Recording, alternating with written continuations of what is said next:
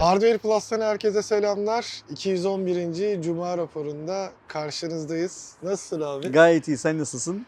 Biraz yoğun ama iyi. Eski Tam- eski mekanımızdayız. Evet. Yani eski mekanımızdan kastım bahçe değil.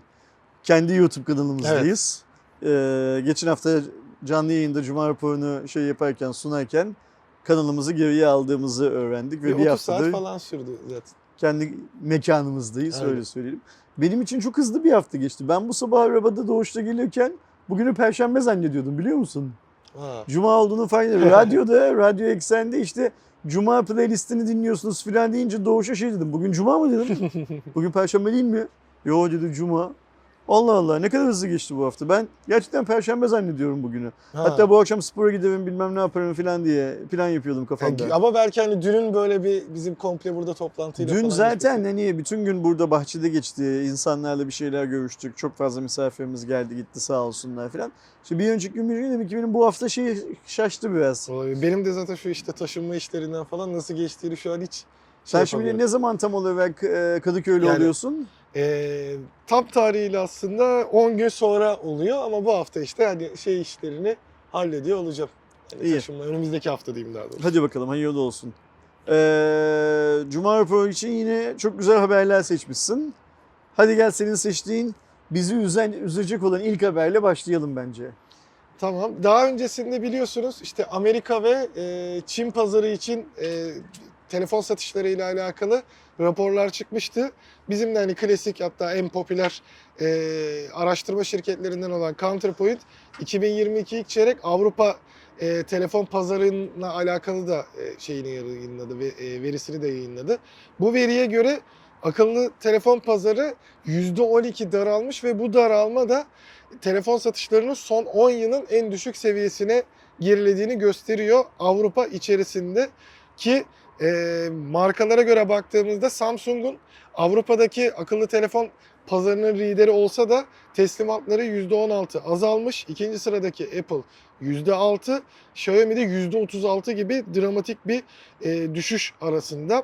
E, Realme ise ilk 5 telefon üreticisi arasına e, girerek bir şeyi de aslında e, yakalamış oldu. Şu küçük bir virüs suçması yaptım. Biz daha önce e, Avrupa'nın da farklı düştüğünü şey yapmıştık. Onu Canalsys'in şeyiydi, sonuçlarıydı. Şimdi bu iki e, araştırma şirketinin birisi satışlardan yola çıkıyor, öbürü sevkiyatlardan Evet. yola çıkıyor. E, ka- şeyin yaptıysa yani şu an konuştuğumuzsa, e, Counterpoint'in. Yaptıysa işte sevkiyatlardan Sevkiyat. yola çıkıyor. Satışlarda da düşüş vardı. Ama satışlardaki düşüş bu kadar dramatik değildi. Hı. Çünkü burada son 10 yılın en düşük seviyesine düştüğünü görüyoruz. Avrupa'daki satışların 2022'nin ilk çeyreğinde Ocak, Şubat, Mart'ında Ki Amerika'da bir yükseliş vardı. Amerika'da çok küçük bir yükseliş var. Neye göre 10 yılın en düşüğünde? Ee, piyasaya sürülen telefon adedinde. Yani buradan Satışa şunu görüyoruz aslında. Markalar e, çok daha az telefon üretip piyasaya sürmüşler ama satış ekipleri aslında çok başarılı davranmışlar ve buna rağmen %12 filan az telefon sürülmesine rağmen sadece %2, %3 az telefon satılmasını sağlamışlar. Hı hı. Dikkat çeken şey ise senin söylediğin gibi Realme'nin böyle şey bir dönemde, kötü bir dönemde ilk beşe girmesi. Evet. Samsung'un daha az satmasına rağmen, daha az sevk etmesine rağmen hala birinciliği koruması ve evet söylediğin gibi Xiaomi'nin e, hem sevkiyatta hem satışta iki raporu birleştirerek konuşuyorum. E, dramatik bir şekilde şey Ciddi yapması, e, pazar kaybetmesi. Bunlar tabii önemli veriler. Burada önemli olan şey şu. Şimdi biz bunları konuşurken bir yandan da ikinci çeyrek sonuçlandı ya. Hani Evet. ee, Nisan, Mayıs, Haziran'da sonuçlanıyor artık. Bu da demektir ki bir iki ay sonra ikinci çeyreğin rakamlarını göreceğiz. İkinci çeyrek bize ne şansı verecek? Hem ilk çeyrekle Ocak, Şubat, Mart'la kıyaslama şansı verecek hem de geçen yılın ikinci çeyreğiyle Evet. kıyaslama Bir şansı ikinci verecek. çeyrek zaten daha çok cihazın e, Çıktığı tanıtıldığı ve piyasaya dönem. çıktığı dönem. Bir de ikinci çeyrek bize ilk 6 ayla 2022'nin ilk, ilk 6 ayıyla 2020'nin ilk 6 ayına senin söylediğin gibi daha geniş bir perspektiften bakma şansı Evet. verecek. Eğer shipment'lar yani sevkiyatlardaki bir %12 daralma e, 2022'nin ilk 6 ayında da geçerli olursa Ee, o zaman ruhuna el Fatiha şeyine ne derler aşamasına yavaş yavaş geliyoruz. Niye bunu söylüyorum Aydoğan? Şu yüzden söylüyorum. Şimdi katlanabilir telefon ya da işte bir sonraki şey neyse telefondaki o aslında telefon sektörünün daralacağı daha önceden tahmin ediliyordu. Ee, ve hani belki bu sektöre yeni bir kan kazandırır, yeni bir ivme kazandırır diye katlanabilirler, IoT cihazlar bilmem ne falan çok önemliydi. Ama eğer bu daralmalar yani yıllık %12 daralma çok büyük bir daralma çünkü e, bu bütün şirketlerin karlılığını çok negatif yönde etkileyecek bir şey. Karlılığın negatif yönde etkilenmesi demek inovasyona daha az para, Ar-Ge'ye daha az para ayrılması filan filan anlamına geliyor ya. E, o yüzden ilk 6 ay sonuçları bize çok şey söyleyecek bence. Eğer bu %12 daralma yani satışlar o kadar düşmese bile bu yıl sen daha az üretirsen daha az satarsın. Yani buradan şeyi anlayacağız. Mesela %12 daralma yılın ilk 6 ayında ya da 2022 yılının tamamında %10 ve üzerinde bir e, tedarik azlığı söz konusuysa o zaman diyeceğiz ki markalar çoktan havlu attılar Evet. ve az satmaya razılar artık. Şimdi az satacak marka ne yapar? Personel azaltır. E, tedarikçilere daha az sipariş geçeceği için tedarikçiler de küçülürler ister Evet. istemez. Bazıları vazgeçiyor. Pazarlama bütçesini küçültür, influencerlar yandı demektir. Çünkü dünyanın her yerinde cep telefonu şirketleri influencerlara çalışıyor. Sadece Türkiye'de değil. Yalan yanlış haberler, yalan yanlış algılar üstünde hareket ediyorlar. Apple'da böyle, Samsung'da böyle, Xiaomi'de böyle, diğerleri de böyle. Hiçbir şey değişmiyor. Başka ne olur? Senin benim işimiz bile azalır. Evet. Niye? Çünkü biz de en nihayetinde o sektöre yayın yaptığımız için, o Ki- sektördeki iş kümülatif olarak azalacağı için Hani bizim tarafımızdan baktığımızda mesela e, özellikle hadi pandemi öncesine göre şey yaptığımızda daha az tepe model zaten çıkıyor mesela. Biz Türkiye bunun- özelinde Evet. tabii ki. Yani ya da şeyde baktığımızda da hani ürün skalalarının da azaldığını görüyoruz ya da ben işte bu süreçte alışverişe falan çıktığımda örnek veriyorum işte Mediamarkt'ta, Teknosa'da, işte Vatan Bilgisayar'da yani daha böyle genel yerlere gittiğimde örneğin telefon e, reyonunda daha fazla, daha büyük reyonlar görürdüm. Şimdi daha az çok reyonlar, daha küçük reyonlar vesaire var. Hani buradan bile aslında e, fark edilebilen bir şey. Bir de e, bizim e, işte basın veya yayıncı tarafından gördüğüm farklılıklar da e, tam şeyi diyecektim mesela şimdi ikinci çeyrek sonuçları gelmeden önce iyi bir ivmelenme yakalayan, iyi bir rapor bulan marka zaten baştan biz bunu yaptık. İşte, işte sallıyorum X markası şu çeyrekte satışlarını arttırdı, bunu arttırdı.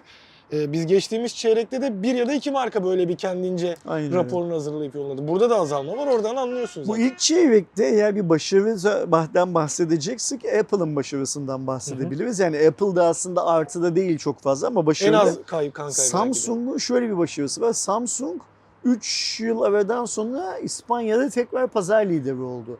3 yıl önce pazar liderliğini eee Xiaomi'ye kaptırmıştı. İspanya Avrupa ülkeleri arasında daha çok fiyat duyarlı bir ülke Yunanistan'la birlikte. Ama tabii Yunanistan'dan farkı şu nüfusu çok fazla. Hı. Türkiye gibi fazla bir nüfusa sahip. O yüzden Samsung'un İspanya'da pazar lideri olması belki tekrar İtalya'da ve Fransa'da da çünkü Samsung İtalya ve Fransa'da da çok fazla şey kaybetmişti. Kan kaybetmişti Xiaomi'ye karşı. Almanya'yı ise çok iyi savunmuştu. Almanya'daysa e, Almanya'yı kaybetmemek için gerçekten muazzam kampanyalar Evet. falan yapmıştı Almanya'da. Şimdi şeye bakacağız işte mesela İtalya'da da pazar payını yükseltebilecek mi, satışlarını yükseltebilecek mi filan filan diye bakacağız. Bilmiyorum biz sadece konuşacağız. Umarız onlar bir şeyler yaparlar. Bu arada bir sonraki habere geçmeden önce sen konuşurken şu şerefsizin çaldığı kornayıları duydun mu? Evet. Arkadaşlarımız duydular mı acaba? Yani bir motorcu eee, nasıl bu kadar çok dıt dıt dıt dıt dıt dıt dıt dıt diye benim evde kapı bu kadar çalsa çıkıp kuryeye kızıyorum. Yani hani şu zile bir kere basmak varken nasıl bir kakofonidir bu? Nasıl bir gürültüdür? Nasıl bir e, kültürdür? Neyin kültürüdür? Yani orada Böyle bir hikaye. tamamıyla birazcık karşılıklı şey var hani. Onlar kendilerini daha çok belli etmek için yapıyor. Emniyet şeridinden gidiyor şerefsiz ama kendini belli etsin diye konuya basıyor bir yandan da değil mi? Her neyse tamam. Küfretmeyelim şimdi. Bugün malum cuma. Cuma gününü sadece şerefsizle kapatalım iyisi. Diğer haberimizde de Huawei'nin yine yükselişinden bahsedeceğiz. Şimdiye kadar nelerden bahsetmiştik? Laptop pazarındaki e, artışından. Türkiye'deki akıllı saat hatta giyilebilir cihazlar bazında ki hani e, Mi Band'i olan bir Xiaomi gibi rakibi olmasına rağmen genelde e, Türkiye'de birinci sıraya geçmesinden ve %3'lüktü galiba fark yanlış hatırlamıyorsam. E, yani telefondaki kan kaybını diğer yerlerde toparlamaya çalıştığını görüyoruz. Ki Çin'de e, Huawei premium segment dediğimiz işte OLED, QLED gibi hani biraz daha e, yüksek fiyatlı e, ürün sektöründe e, Samsung'un önüne geçerek Çin pazarındaki en iyi premium televizyon üreticisi ko- konumuna ya da en çok tercih edilen üretici konumuna e, geçtiğini gördük ki işte dediğim gibi QLED ve OLED'lerde bu var ve daha önce yine e, DC DSCC dediğimiz işte Display Supply Chain Consultant'tan çıkan e, şeye göre Huawei'nin şu anda lider olduğunu e, hatta %10'luk pazar payını %20'ye kadar artırarak buna Şimdi biz Türkiye'de gördük. Huawei deyince aklımıza televizyon gelmiyor. Evet. O yüzden biraz garip. Hatta biz Türkiye'de televizyon dediğimizde açıkça söylemek gerekirse bu listedeki e, mesela TCL Türkiye'de yeni yeni hani Hı hı. belki bir şeyler yapmaya çalışıyor. Bence güzel şeyler de yapıyor ayrı mevzu ama Hisense'i falan da bilmiyoruz. Evet. Biz Ben Türkiye'de Hisense'i ne biliyoruz? Mesela. Aynen öyle. Biz kısmı. Türkiye'de Samsung biliyoruz, LG biliyoruz, işte Philips, sen ben Philips biliyoruz ama Philips'in de galiba televizyon pazarında bilinirliği yani satışları iyi ama bilinirliği Samsung'la LG kadar galiba yukarıda Galiba değil. şeyin avantajıyla işte artık bu Ambilight'ın iyice falan. çünkü diğerlerinde Yerlilerde de işte Vestel'i biliyoruz Tabii. filan filan. Huawei bence çok yakın zamanda Türkiye'de televizyon pazarına da girmeli. Çok ciddi söylüyorum. Çin gibi muazzam bir ülkede e, ve o muazzam ülkede işte Hisense, TCL gibi aslında dünyanın televizyon şeyini ne derler pazarını domine edebilen iki marka varken premium pazarda bunları geçip yani arkadaşlar yanlış anlamasınlar. Bütün Çin pazarından bahsetmiyoruz. Üst segment Çin Evet. pazarında bunları geçip Ki- ve Koreli rakiplerini de geçmiş. Şimdi Sony'yi artık anmıyoruz bile. Niye Sony'nin zaten ahı gitmiş, varı kalmış bir şey durumunda. Ama hani orada da mesela LG satışı vardır. Tabii işte ki. Sa- Samsung, Samsung zaten, zaten şey onun işte Korelileri geçip başa gelmesi demek demek ki e, bizim Kaan'ın da içinde olduğu o Huawei'nin tüketici grubunun e, Türkiye'ye bir şekilde Huawei televizyonları getirmeyi de düşünmesi anlamına geliyor bence. Yani e, geçtiğimiz gün LG'nin bir basın lansmanı vardı. Orada e, yapılan bilgilendirmeye göre Türkiye'de mesela LG'nin premium segmentte e, üst sırada olduğunu, ciddi bir farkla hatta üst sırada olduğunu, pazar payıyla olduğunu öğrenmiştik. Ama ben mesela bunu duyduğuma şaşırmamıştım. Çünkü yine aynı biraz önceki bu e, işte mağazalara gidip baktığımda dediğimde yani üst segmentte ben Sony ile LG'yi görüyorum. Hani şey standlarda da genellikle onları görüyorum. E, ama dediğin gibi artık Sony'nin bir şeyi, bir gerilemesi vesaire var. Hani e, ben de baktığımda mesela e, farklılık olarak örneğin onlar Android TV değil Google TV'yi kullanıyor. Yani aslında Google'ın komple geçmek istediği şeyi falan kullanıyor. Panel kalitesi falan var ama etrafta artık çok fazla Sony görmediğin için o bilinirliği ya da Aynen. algısı azalıyor. Ama LG bunu çok iyi yapıyor.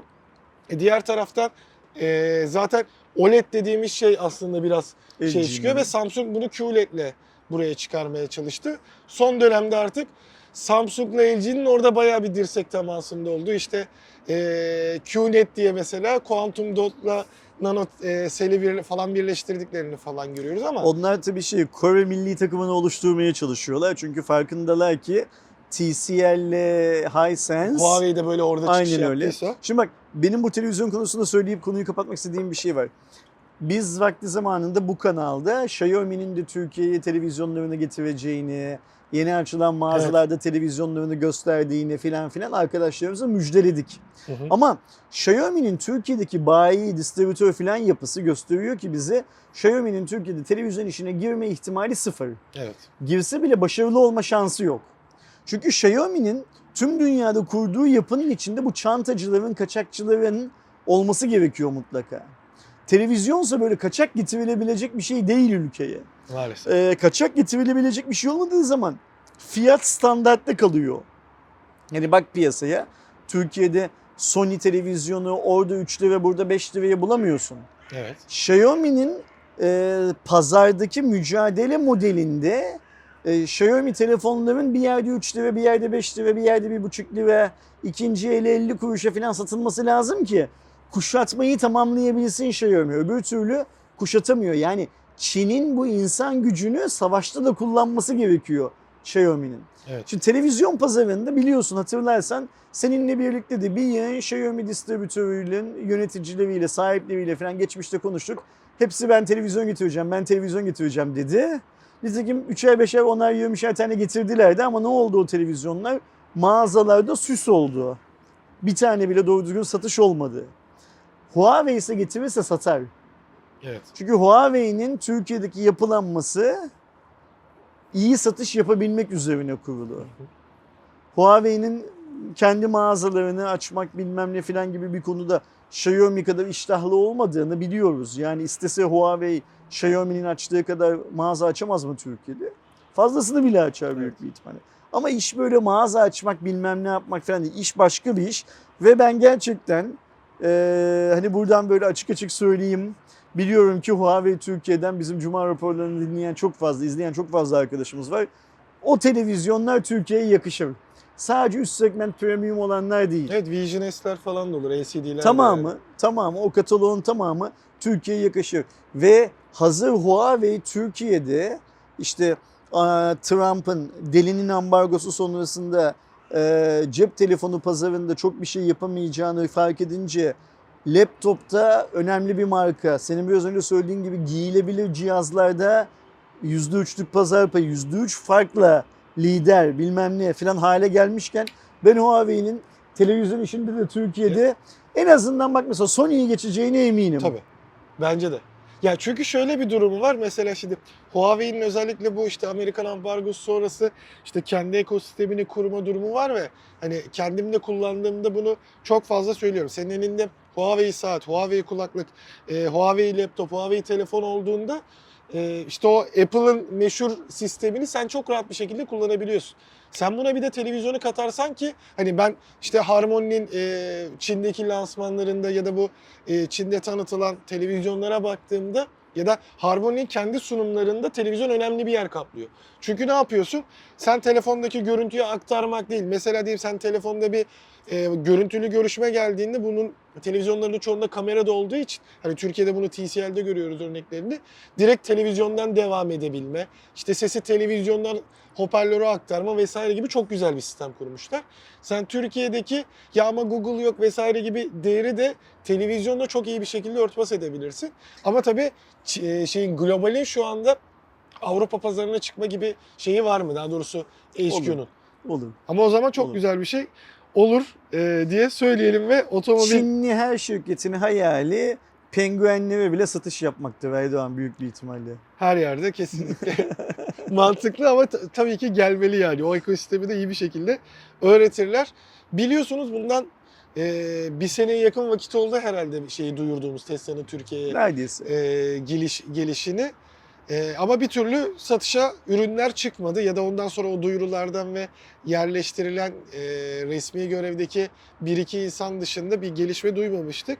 Şimdi ise daha Türkiye'ye gelmeden e, Tesla kendi araçlarındaki fiyatlara dolar bazında direkt kendisi zam yapmış oldu ve e, fiyatlara baktığımızda 2000 dolardan 6000 dolara kadar geçiyor ve en büyük e, artışta Tesla'nın Model X e, 4 çeker uzun menzilli versiyonunda görünüyor ve dediğim gibi orada 6000 dolarlık bir fiyat artışı var.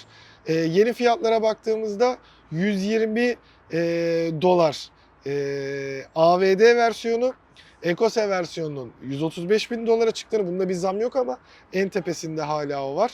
E, Model S 105 bin dolar. E, Model Y'nin uzun menzillisi 66 bin dolar. En ucuz Model 3 de 58 bin dolara çıkmış oldu bu fiyatlarla. Şimdi bu fiyatlar beni hiç ilgilendirmiyor. Ben Türk halkını da çok fazla ilgilendirdiğini düşünmüyorum fiyat bazında. Tesla'nın zam yapması ise ilgilendiriyor. Şimdi niye ilgilendirdiğinden bahsedeyim. Bu haber Amerika medyasında ye- yer bulduğu zaman birçok e, uzman ama uzmandan kastım otomobil yazarı değil finansal uzman dedi ki diğer otomobil şirketlerinin yapacağı yaptığı zamlardan daha fazla bu zamlar dedi oransal olarak. Yani belki diğeri e, dolar bazında daha fazla zam yapmış olabilir ama oransal olarak daha fazla dedi. Şimdi Tesla niye durduk yere sektör standartlarının, sektörün ge- genelinin üstünde zam yapıyor? İşte büyük bir ihtimalle bu üretim sorunu, çip, Çip krizinin krizi. yansıması bilmem ne filan filan hikayeleri yüzünden zam yapıyor. Tesla'nın elektrikli otomobillere yaptığı bu zam dünyadaki tüm elektrikli otomobillere bir şekilde sektör normunun üzerinde yansıyacağı gibisinden de bir şey var, e, fikir var. Yani atıyorum Mercedes, BMW, Audi filan filan normal e, benzinli ya da işte e, dizel araçlarına o oranda zam yapmazken elektrikli otomobillerine daha çok zam yapabilecekleri konuşuluyor. Onlara Zam- da zam gelirse Zam demek dünyanın her yerinde bizim gibi insanların boynunun bükülmesi anlamına geliyor. Kesinlikle ve bir sonraki haberimiz de Musk'la alakalı. Biliyorsunuz e, Musk zaten Dogecoin'le bayağı artık meç edilmişti. Ve bununla alakalı ortaya çıkan şeye göre e, Dogecoin desteği için Ponzi piramidi gerekçesiyle şirketlerinden toplamda 258 milyar dolarlık bir tazminat davası açılacağı söylendi. Bu arada Açıldı, bu haberde açıldı. Ya, açıldı. Ee, Manhattan Mahkemesi'nde 22 CV 05037 SDNY numarasıyla dava açıldı. Bu haber de bu arada bize sevgili e, Levent abinin e, Levent Olgun'un önerisiyle geldi. Benim gözümden kaçmıştı. Haberi de şey paylaşmış zaten. Kemalettin abi paylaşmış. Bu çok yakın bize yani çok yeni bir haber. Bu sabah uyandığımızda haberdar olduk bununla ilgili Ee, ve e, işte Amerika'daki pazar kapandıktan sonra yani borsa kapandıktan sonra olan biz uyurken olan bir gelişme. Ama Musk'ın ne kendisi yani ne Musk'ı temsil eden hukuk şirketi ne de Musk'ın şirketlerini Tesla'yı, SpaceX'i bilmem ne filan filan gibi şirketlerin hukuk departmanları henüz konuyla ilgili herhangi bir açıklama yapmadılar. Hazırlık Burada önemli yani. olan şey şu, e, bu dilekçeyi Manhattan Mahkemesi kabul etti ve konuyla ilgili Amerika'daki regülatör kurum olan SEC'ye yani bizim SEC dediğimiz o Amerikalıların İngilizce okumayı tercih ettiği kuruma e, böyle bir davayı kabul ettiğini bildireceğini söylemesiyle başlıyor iş. Yani şimdi burada şu olacak. e, Bizim SPK diye bir kuruluşumuz var. E, SEC'i de yani SEC'yi de onun gibi varsaymak lazım. O e, Musk'ın yaptığı sosyal medya paylaşımlarından ve hatta bence Musk'ın annesinin filan da yaptığı sosyal medya paylaşımlarından e, Dogecoin çevresinde bunların Ponzi diye diye değil ama piramit diye isimlendirdikleri sistem kapsamında e, bir vurgun olup olmadığını araştıracağı, araştırması bekleniyor. Hı hı. Şimdi iş ne olabilir? Biraz sabah uyanır uyanmaz bunu okudum. Çünkü ben de Cuma raporunu alalım diye düşünmüştüm bunu. Ee, SEC araştırmaya gerek görmeyebilir. SEC bu konunun kendi şeyine girmediğine, çünkü sonuçta bir kripto para işi Hı olduğu için, şimdi şöyle bir şey var. Amerika'da birçok kripto parayla ilgili araştırma yapılıyor ama bu araştırmalar genellikle öncesinde bir mahkeme kararı alınarak yapılıyor. Ee, SEC bunun kendi yetkisi dahilinde olmadığına karar verebilir. Ee, sanırım Muskillerin herhangi bir açıklama yapmamasının esas nedeni de şu anda bu. Seki araştırma Sekin- yapacak mı yapmayacak mı? Sekin nasıl bir tavır alacağını bekleme yönündedir. Ama şu çok önemli Aydoğan. Ee, bu söylenen 258 milyarın aslında tamamı tek bir dava konusu değil. İki farklı konuya bölünmüş durumda. Yani bunlardan birisi anladığım kadarıyla Musk'ın ne kadar insanı zarara uğrattığı ile ilgili bir tanesi de ne kadar spekülasyon yaptığı ile alakalı hikayeler. Hı hı. Ve birçok hukukçu da şunu söylüyor Amerika'da. Eğer Musk'ın attığı tweetler sonrasında Dogecoin'de süper zararlara uğrayanlar varsa Musk bu cezadan, e, bu davadan ceza alırsa münferiden bireysel olarak onların da Musk'a dava açma şansları olabilir Evet. noktasındalar. Yani buradan şu çıkıyor ortaya. Bu 258 milyar dolar kendi başına çok büyük bir para. Ama e, olay bunun 128'den bile fazla. çok üstüne gidebilir olay bunun. Ve hatta Türkiye'de bile belki Dogecoin'den Musk nedeniyle zarar eden birisi Amerika'da bir avukatla anlaşıp Musk'ın zararını talep etmesini sağlayabilir. Çünkü Evet. biliyorsun adalet aslında böyle bir şey. Yani senin Türk olman, Amerikan olman Hı, çok anladım. da fazla bir şey ifade etmiyor. Zarar gördüysen ben de zarar gördüm diye başvurabilme hakkı tanıyor sana. Anladım. Bu çok heyecanlı bir konu benim açımdan. Ee, bakalım ne olacak. Ben burada Ee, istiyorsanız tapınak şövalyeleri deyin, istiyorsanız Illuminati deyin, istiyorsanız devin devlet deyin, istiyorsanız o Amerikalıların kurucu babalarımız bilmem ne filan diye isimlendirdiği şekliyle ifade edin. Musk'ın çok büyük bir zarar göreceğini düşünmüyorum. Evet. Çünkü bu kol kırılır, yeniçinde kırılır mantığı Türklerin uydurdukları bir şey değil. Dünyanın her yerinde Yani. böyle bir hikaye söz konusu. Ve e, Amerikan hükümetleri demokrat da olsalar, cumhuriyetçi de olsalar Musk kendi taraflarında ya da karşılarında bile olsa büyük bir Amerikan şirketinin, ünlü bir Amerikalının böyle bir konuda zarar görmemesi için e, gereken aksiyonları Evet. alırlar. Yani Musk e, çocuk tecavüzcüsü olsa gözünün yaşına bakmazlar. Musk vergi kaçırıyor olsa gözünün yaşına Evet. bakmazlar. Hmm, Ama Musk e, bütün dünyayı tokatladı diye de Amerikan sistemi Peki Musk'ı karşısına çok fazla almaz. e, şimdi seket tavır takılacağı tavır önemli dedin ya abi. Hı hı. Şey durumu da olabilir mi? Sek bunu direkt araştırmaya başlarsa o zaman aslında kripto paraların da artık sekim e, alanına girdiği de ortaya Bak onu söyledim zaten. yani? Geçmişte SEC bir iki tane kripto parayla ilgili geldi dedin. nasıl? Mahkeme üzerinden Mahkeme geldi. üzerinden geldi ama şöyle bir hikaye. SEC zaten mesela şu anda işte bizim Türkiye'de hepimizin kullandığı Binance borsasının global anlamdaki şeyi e, kurul kanun e, uygulamaları Amerikan kanunlarıyla çakıştığı için Binance Amerika'da bir numaralı borsa olamıyor. Amerika için Binance Amerika diye aynen Binance Türkiye, Türkiye gibi. gibi daha küçük bir borsa kurdular ve oradan işlem yapıyorlar. Ve siz dünyada birçok şeyde platformda yani nasıl platformlar bunlar? Sizin yerinize alsat yapan bilmem ne filan platformlarda Binance borsasındaki hesabımı bağlayabilir miyim diye sık sorulan sorularda bir soru görürsünüz ve cevap şeydir. Binance'ı bağlayamazsın ama Binance Amerika'yı bağlarsın. Yani şunu söylemeye çalışıyorum. Amerika regülasyonu olmayan kripto para konusunda da zaten birçok regülasyonu uyguluyor şu anda. Kendi halkının zarar görmemesi ya da kendi finansal sisteminin zarar görmemesi için. SEC de birçok kripto paranın özellikle bu stabil coin dediğimiz hani kendinin 1 dolara eşit olduğunu iddia eden coin'in çalışma yapısı konusundaki e, şartları zaten denetliyor hala hazırda.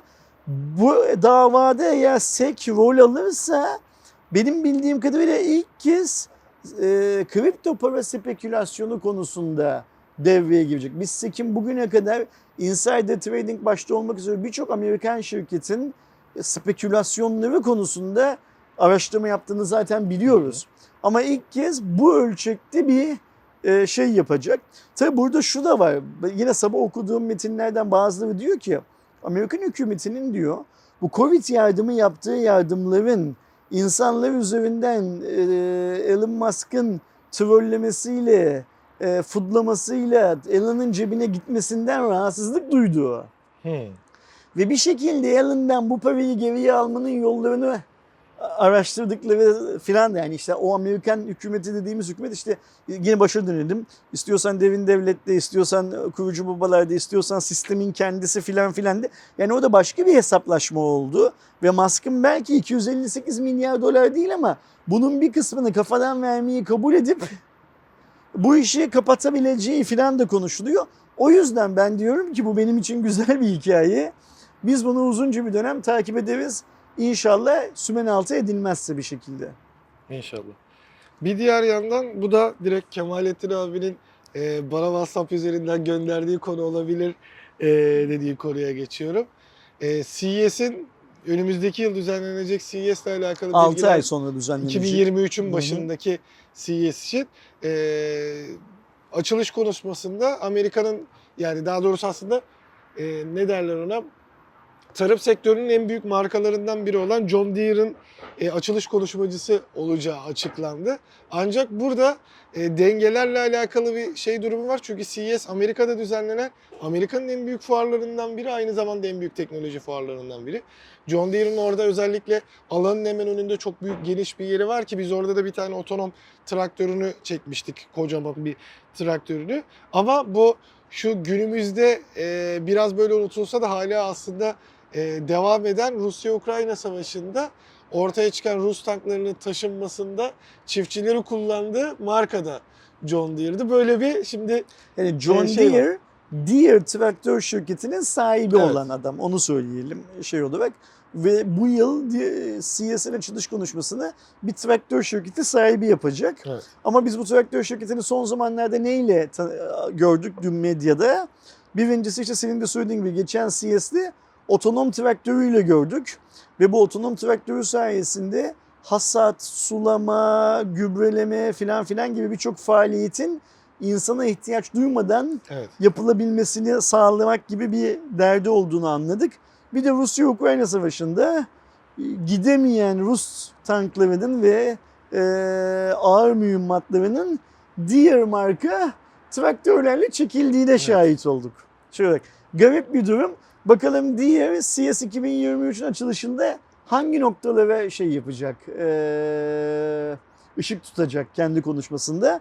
Çünkü biz şunu biliyoruz ki işte AMD'nin CEO'su, Nvidia'nın CEO'su e, filan konuştuğu zaman işte ta Moore kanunundan başlayarak teknolojinin ne kadar hızlandıracağını, bize neler vaat edebileceğini filan söylüyorlardı. Biz bundan se- 10 sene önce giyilebilir teknolojilerin konuşulduğunu gördük.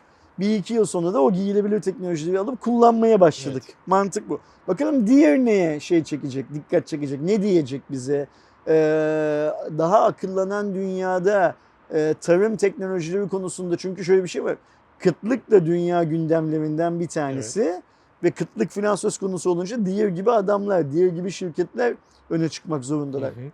Kıtlık söz konusu olunca Tesla'nın öne çıkması, Xiaomi'nin öne çıkması, Samsung'un öne çıkması tabii ki Tesla'nın, Xiaomi'nin, Samsung'un hayalidir ama çıkamazlar. Öne çıkacak olan şirket diğer gibi şirketler Evet. olmak zorunda. Bakalım neler söyleyecek bize. Yani bu dengesizlik de bir bana da garip geldi yani. Hani e, normalde bu tarz şeylerde bir de e, Amerika'da Rusya'da tutucu olduğu için hani böyle bir olayla daha gündemde olan bir markanın e, direkt açılış konuşmacısı belki ilerleyen dönemlerde hani iptali falan filan bile ortaya çıkabilir. Çünkü yaptırımları şu an dünya genelinde çok olduğunu görüyoruz. İşte e, Rusya milli takımı olsun, Rus pilotlar vesaire hani kimliğinde Rus olan herkes e, organizasyonlardan uzak tutulmaya başladı.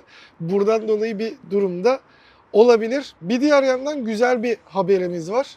Ee, biliyorsunuz geçtiğimiz sene Oppo Inno Day'den önce yani kendi em, inovasyonlarını, yeniliklerini tanıtacağı Çin'de yaptığı önemli etkinliğinden yaklaşık bir hafta önce İstanbul'da e, birçok ülkeden, yani Avrupa ülkesinden gelen basınla beraber bize bir ön gösterim yapmıştı ve biz bunun diğer markalar tarafından da yapılması gerektiğini, İstanbul'un ve Türkiye'nin bu açıdan hani hem e, markalar açısından baktığında ucuz bir konum hem de e, tanıtım amacından önemli bir şey olduğunu görmüştük. Ucuzdan öte İstanbul bunu hak ediyor Evet. demiştik. Bu açıdan şimdi ikinci e, atılımda Huawei kanadından geliyor.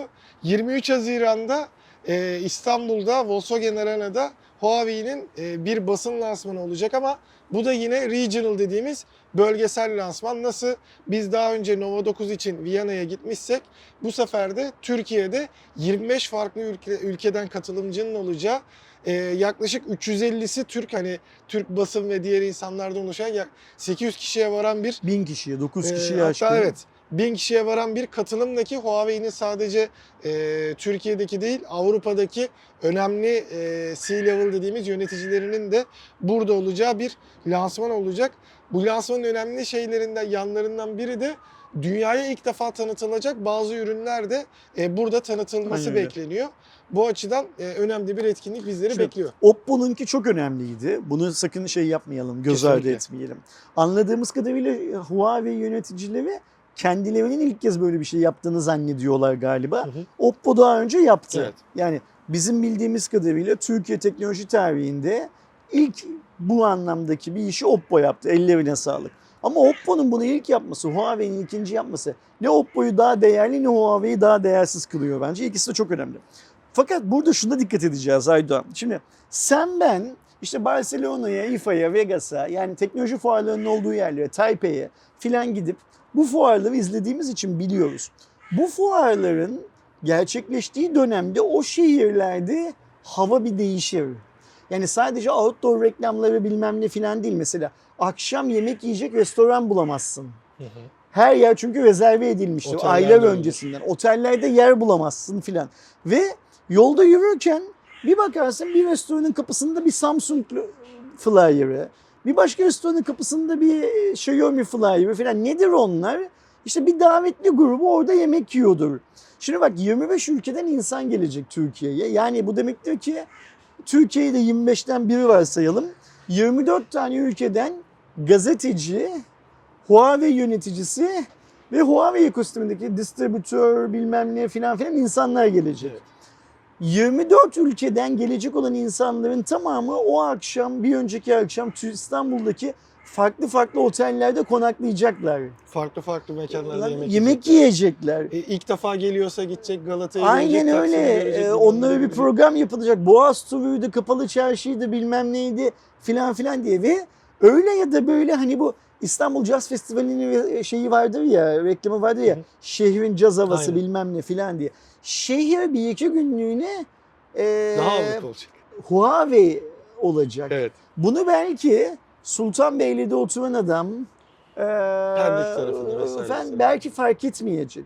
Ama Sultanbeyli'de oturan da Kadıköy'de çalışıyorsa, Sirkeci'de çalışıyorsa mutlaka ya o grup o Galata Köprüsü'nden geçerken o gazeteciler tekneyle oradan geçiyor. Yani şunu söylemeye çalışıyorum. İstanbul'un hayatı mutlaka bir şekilde bilerek ya da bilmeyerek Huawei ile o süre Bir zarfında o sırada. şey yapacak. Ve aynen öyle ekonomimizin iyiye gitmediği bu günlerde Huawei 24 ülkeden ama az ama çok paranın Türkiye'ye akmasını sağlayacak. Nasıl akacak bu para? Türk Hava Yolları uçak bileti satacak. O 24 tane yani insanın ülkenin yemeklerini yediği senin de söylediğin gibi restoranlar para kazanacak. Binecekleri otobüslerin tur şirketleri para kazanacak. Bilmem ne bilmem ne. 300'ü Türkiye'den 700'ü yaklaşık yurt dışından gelen insan 2-3 gün boyunca böyle hızlandırılmış bir şehir turu atacaklar. Bu her anlamda çok çok güzel bir şey. Kesinlikle. Kimin aklına geldiyse biliyor musun bu işte bizim Kaan'ın parmağı var mı? Ee, vallahi hiç şey hani e, biz planladık vesaire falan diye bir şey duymadım açıkçası. Okey. Mutlaka e, fikir bazında bir katkıları yoksa bile operasyonel bazda Tabii ki. mutlaka bir katkıları vardır. Hepsinin işte Kaan'ın e, şeyin neydi Kaan'ın patronun adı? E, Alan, Alan'ın bildiğimiz kadarıyla Kaan'ın ekibinde Cansu var. Cansu'nun, Mustafa'nın hepsinin emeğine sağlık. Bildiğimiz kadarıyla Derek, Derek gelecek tekrar Evet. Türkiye'ye. Avrupa'daki Avrupa başkanı. Başkanı. Yani şöyle düşünmek lazım. Dünya için Avrupa'nın ne kadar büyük bir pazar olduğunu düşünsün arkadaşlarımız. Avrupa'daki bir numaralı adam Derek. Bu, buradan yola çıkıp Huawei ekosisteminde nerede olabileceğini varsaysınlar. Herhalde ilk beşin, ilk altının, ilk onun içinde Tabii falan ki. bir adamdan bahsediyoruz. Bu arada Derek'in Türkiye'ye ilk gelişi de değil bu. Derek daha önce de Türkiye'ye geldi. Bu sefer anladığım kadarıyla sunumu Derek yapacak. Yani Evet. bu ürünlerin tamamını yani şey diyecek Derek. Size İstanbul'dan, Türkiye'den ilk kez bu ürünü duyuruyorum diyecek bazı ürünler için. Bu çok önemli bir hikaye. Biz de önümüzdeki gün per- hafta perşembe günü orada oluruz zaten. Tabii ki. Oradan da videolar çeker yayınlarız büyük bir ihtimalle.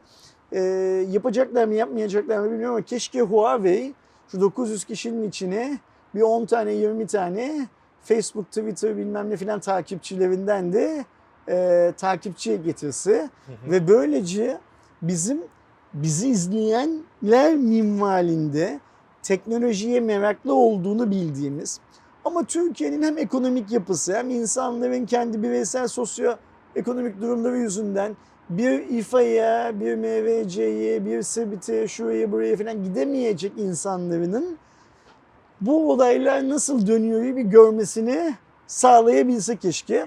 Umarım böyle bir organizasyon yapmışlardır. Yapmadılarsa bile hala geç değil. Cuma raporundan işte açıkça söylüyoruz. Bir masa ayırın, bir 5-10 kişi gelsin. Eğer o 5-10 kişiyle ilgilenecek gücünüz yoksa, programınız mümkünse ben ilgilenirim. Çok ciddi söylüyorum. Ben ilgilenirim. Ee, o çocuklar da, o arkadaşlar da bir lansman nasıl oluyor, bir sunum nasıl yapılıyor yu filan yerinde birinci elden görsünler. Hep beraber mutlu olalım. Çünkü bugün Mantıklı. Türkiye'de en zor şeylerden birisi mutlu olmak.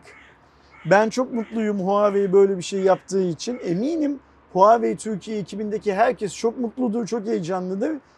Huawei ile gönül bağı kurmuş 5-10 tane son kullanıcı arkadaşımız da mutlu olsun. Bunu söylüyorum sadece. Gelelim yeni haberimize Mutlulukla ilgili değil mi bu Evet. haberde? Biliyorsunuz daha önce de çok fazla konuşulan sosyal medya yasası e, olarak tabir edilen aslında bu e, arkadaşımız şu anda artık e, meclisten geçmiş oldu ve sosyal medya üzerinden yanlış, yalan yanlış yani teması o şekilde haber yayanlara artık farklı farklı hatta direkt hapis cezasına varan cezalar gerçekleştirilebilecek ama bu e, haberin yanlışlığı vesaire nasıl e, teyit sistemi olacak onu ayrıca merak Şimdi ediyorum. burada şöyle olacak Aydoğan benim anladığım kadarıyla. Mesela ben biraz önceki haberde ne dedim verirken? Türkiye'nin dedim artık ekonomik durumu çok çok iyi değil dedim. Sonra bir de üstüne basa basa dedim ki ya Türk halkının bir kısmının da işte parası olmadığı için falan yurt dışına gidemiyor falan dedim ya. Şimdi bir savcı bu nokta bu yeni yasadan yola çıkarak diyecek ki Ersin Türkiye'nin ekonomik durumu iyi değil diyerek Ersin bazı Türkler yurt dışına çıkabilecek kadar varlıklı değil diyerek halkı devletine karşı Galyana getir. galeyana getiriyor. Ekonomik anlamda onları e, yöneticilerine karşı kin duymaya sevk ediyor. Ezandan sonra devam edelim bu konuya. Ezan bitti. E, Cuma'ya gidenlerin namazlarını Allah kabul etsin. Amin. Ee, bizim gibi gitmeyenler için söyleyecek bir şeyimiz yok herhalde şey olarak. Ee, Cuma'ya giden, namazını kılan, orucunu tutan herkesin, sadece Türkiye'de yaşayan değil, dünyanın her yerinde yaşayan herkesin ibadetini Allah kabul etsin. Kendi dinin, dinince ibadet edip başka başka eylemler yapanlarınkileri de kabul etsin diye dileyelim. Öte yandan akşam oturup evinde rakısını içine de afiyet olsun Tabii. demeyi de ihmal etmeyelim. Ee, rakı yerine başka şey de içebilir mesela. Yunan uzu içer, İtalyan şarap içer filan. Yani Evet. ayrıca detaylandırmaya gerek yok konuyu. Şimdi nerede kalmıştık? Sosyal medya yasasında kalmıştık. Ne diyorduk? Ersin böyle bir şey söylediği için bir savcı buradan yola çıkarak Ersin'e ceza verebiliyor. Yeni kanun bunu gerektiriyor. Ayrıca Ersin bunu bir YouTube videosunda filan söylemek zorunda değil. Ersin bunu WhatsApp'ta, bir WhatsApp Aynen. grubunda, Telegram'da, işte Facebook Messenger'da ve doğal Şebekeler olarak tabii ki hizmet olarak geçti onlar. nasıl? Şebekeler üstü hizmet olarak geçti. Ve, ve sadece gruplarında değil Facebook'un kendisinde, Telegram'da bilmem ne filan filan da söylediği zaman, e, Twitter'da tweet attığı zaman filan da bu böyle oluyor. Ee, benim anladığım kadarıyla şimdi şunu ayırmak lazım. Bir sosyal medya yasası olmak zorunda mı? Evet olmak Evet, zorunda. bir regülasyon olmadı. Yani bir yasa olmak zorunda tabii ki. Yasanın oluşuna filan kimsenin karşı olacağını sanmıyorum. Ancak eee, trafikte kırmızı ışıkta geçmemek diye bir yasa var. Ve sen geçenleri bu ülkede cezalandırmıyorsun. Emniyet şeridine girmemek diye bir yasa var. Emniyet şeridine girenleri cezalandırmıyorsun. Hatta emniyet şeridine girenlerin hepsini kameralar takip etse bile cezalandırmadığını emniyet şeritlerini izleyen kameraları yapan Alman şirket sorduğu zaman biz şirkete emniyet şeridine giren herkesi cezalandıramayız Türkiye'de diye bir cevap verebiliyorsun. Ee, ama sosyal medyada her tweet atanı cezalandırmakla ilgili bir şeyin var. Ee, ne derler? Arzun var. Öyle ya. Boğaziçi Üniversitesi'nde gıkını çıkartan her öğrencinin kafasında bir jop indirmek gibi bir arzun var filan. Arzular şelale olduğu zaman işte orada durup böyle bir nefes almak zorunda hissediyoruz kendimizi.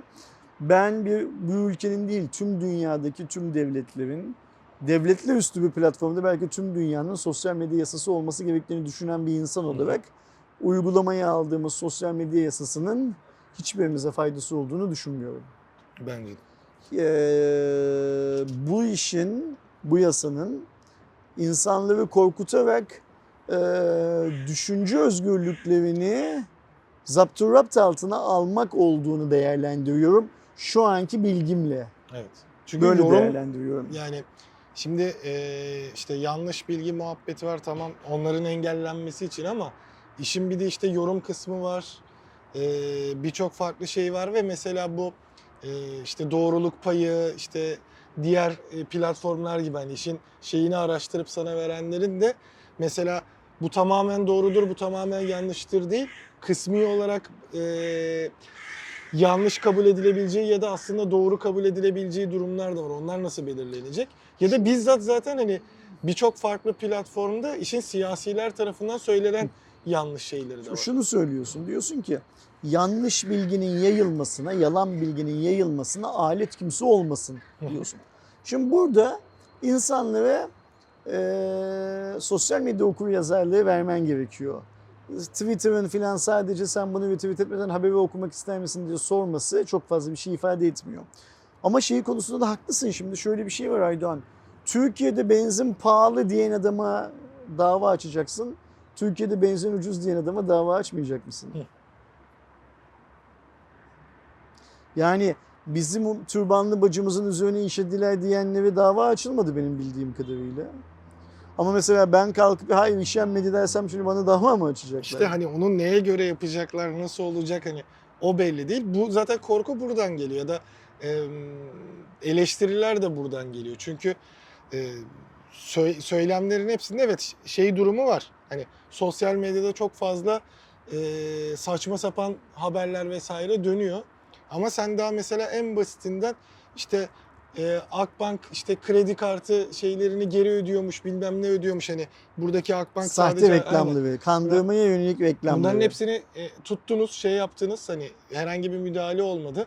Ha, hala burada da çok şey garip bir şey oldu zaten. Sosyal medyayı bu reklamlardan arındıramadığını görünce BBDK bankaları bu reklam bu mecralara reklam vermekten yasakladı. Ya da şey var, telefonla aranıp şu anda mesela daha yine aynı örneği vereceğim. Ee, dayımı arıyorlar hatta onun üzerine diye.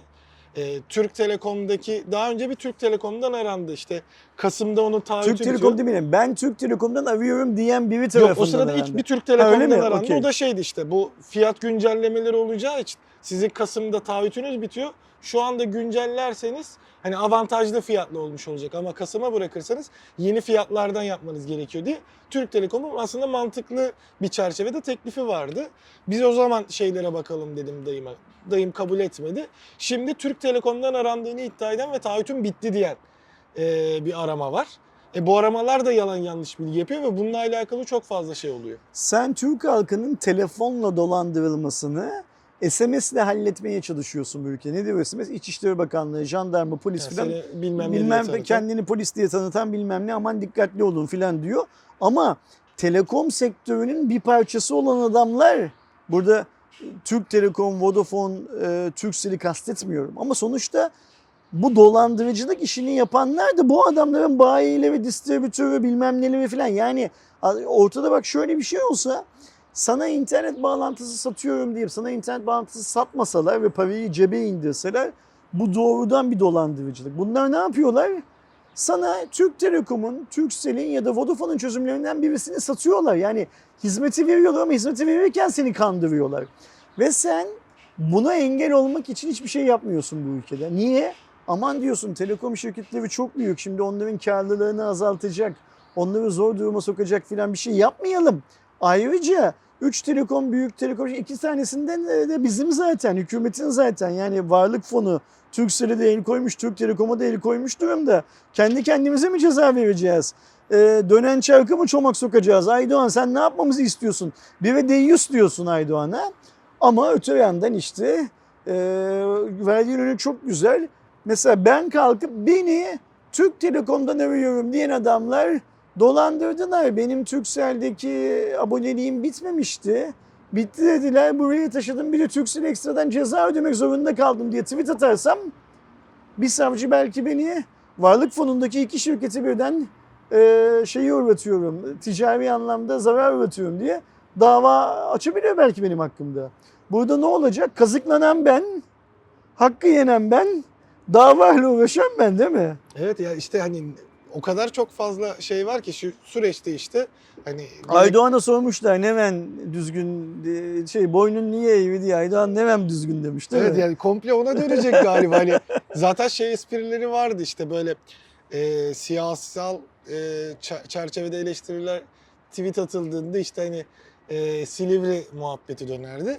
Otokontrol Şimdi- mekanizmasını Türk halkı zaten koymuştu. Aynen hani. Kendi kendine. Şimdi onların altına atılanların hepsine şey mi olacak? Ya da mesela e, özellikle gazeteci tarafında Mesela şimdi bu süreçte işte e, Bora abinin paylaştığı bazı şeyler vardı ya da işte İsmail'in paylaştığı şeyler var. E, bunların e, şeylerinde bile en, en basitinden işte bu yemek sepeti olayında hemen bir mahkeme süreci olduğunu falan filan gördük. E, şimdi biz hiçbir bilgiyi paylaşamıyor mu olacağız? Boş ver yemek sepetini falan. Biz Türkiye'de çok kısa bir zaman önce geride bıraktığımız bir ay içinde şunu gördük. Türkiye'de resmi olarak açık olan bir tane siyasi partinin genel başkanı konuşma yaptı. Ve bu konuşmayı bazı kanallar yayınladı diye o kanallara Rütü'nün ceza verdiğini gördük. Bu olayı başlanalım. Konuşan kanun kaçağı mı? Değil. Konuşanın söylediği şeylerle ilgili herhangi bir savcı, kamu görevlisi, adli me- merci herhangi bir hmm, araştırma başlatmış mı? Yok hayır başlatmamış. Konuşanın söylediğiyle ilgili bahsedilen kişiler bazı davalar açacaklarını söylemişler. O kadar. Konuşanın hangi ünvanla konuştuğu belli değil mi? Bir siyasi partinin başkanı olarak konuşuyor. Bu siyasi parti hakkında herhangi bir kapatma davası falan açılmış mı? Açılmamış. Bunu haber yapan yayınlara ceza verilmiş. Yani yayınlara denmiş ki siz demişler sadece iktidar partisinin açıklamalarını haber yapın. Herhangi başka bir siyasi partinin haberini yaparsanız, konuşmasını canlı yayınlarsanız bilmem ne filan olmuyor bu işler denmiş. Şu Türkiye'deki yasak zihniyetinin bu seviyeye geldiğini görüyoruz. Nedir yasak zihniyeti? Şu anda kılıç elinde istediğinin kafasını kolunu kesiyor. Bunu anlayabiliriz tamam mı? Bu çok anlaşılabilir bir şey olur. Bu kolunu kafasını bacağını kesme konusunda bir aa, adalet olsa bunu anlarız. Şimdi mesela ben kalksam desem ki şeyler meyhaneler yakılıyor yıkılıyor Türkiye'de desem yıkılan yıkılan yıkılan meyhane varsa eyvallah. Yoksa Ersin yalan söylüyor diye beni şey yapsalar. Dava etseler, hapsetseler anlarım bunu. Ben Türkiye'de kiliseler yakılıyor, yıkılıyor desem dönüp baksalar yakılan kilise var mı yok mu? Varsa eyvallah adam doğru söylüyor. Yoksa yalan söylüyor deseler. Ben Türkiye'de yıkılan yıkılan camiler var desem prosedür aynıysa doğru mu söyleyip yalan mı söylediğime göre işlem yapılıyor olsa o zaman en azından adil olur bu hikaye. Ama biz şu anda bu işin adil olmadığını da görüyoruz. Yani öyle bir sorun da var. Ee, sen kalkıp çok rahat bu ülkede camiler yakılıyor diyebiliyorsun. Hiç kimse de sana şey diyemiyor Aydoğan. Aydoğan bir göster hangi cami yakılmış Allah aşkına ya diyemiyor. Yani. Olay böyle bir olay. Yani olayı Türk Telekom'a falan gelinceye kadar daha 50 bin tane hikayesi var bu olayın. Bak Türkiye'de yaşayan herkesin en büyük sorunlarından bir tanesi Türkiye'deki sosyal yaşamın güçlü ve kalabalığın lehine dönmesi. Kaldırımdan giden motosiklete bir şey diyemiyorsun. Kaldırımdan giden skutura bir şey diyemiyorsun. Biraz önce şerefsiz diye yayında adını andığımız motokuryelerin trafikte estürdükleri teröre çözüm bulamıyorsun. Kapı kapı dolaşıp insanları dolandırmaya çalışan uzaktan satış sistemlerini zapturapt altına alamıyorsun. Senin söylediğin gibi işte Türk Telekom'dan arıyorum, Vodafone'dan arıyorum, Turkcell'den arıyorum diyerek lafa yalanla başlayan adamları engel olamıyorsun. Ve buradan yola çıkarak 50 bin tane daha Türkiye'de yasa dışı iş yapılıyor. Günlük hayatın kendi rutini içinde. Bunların içinde dolandırıcılık eylemleri, kabadayılık eylemleri, kabadayılıktan kastım illa mafya lideri olman gerekmiyor. Bugün birisinin birisine zorbalık yapması da kabadayılık eylemidir. Yani bir otobüste birisinin kalk oraya ben oturacağım demesi de kabadayılık eylemidir. Bu kıyafetle otobüse binmeye utanmıyorsun demesi de kabadayılık. Bunların hiçbirisine şey yapamıyorsun, engel olamıyorsun. Ama Aydoğan e, meyhaneler yakıldı diye tweet atarsa ya da söylerse Aydoğan'ı nasıl hapse atarımın yollarını arıyorsun. Bu sosyal medya yasası diye adlandırılan yasa şu anda biraz bana şey gibi geliyor. E, bir sansür yasası gibi Evet. e, hayata geçmiş gibi geliyor. Umarım tez zamanda eksiğinin gediğinin fazlasının ne olduğuna bakarlar. Heykeltıraşlar kilden heykel yaparken o hani son dokunuşlar vardır ya işte gözü oyar, kulağı şekillendirir filan. Çünkü o gözü oymadan, kulağı şekillendirmeden o aslında bir heykel değildir. O aslında bir çamurdur. Ona son dokunuşlarla heykel haline getirirler. O zaman sanat eseri olur o. Onu yapmadığın zaman çamurdur, kildir şey olur. İşte son dokunuşları inşallah bu yasayı da e, biraz daha Biraz iyi fazla dokunuş niyetle, yapmaları e, gerekecek.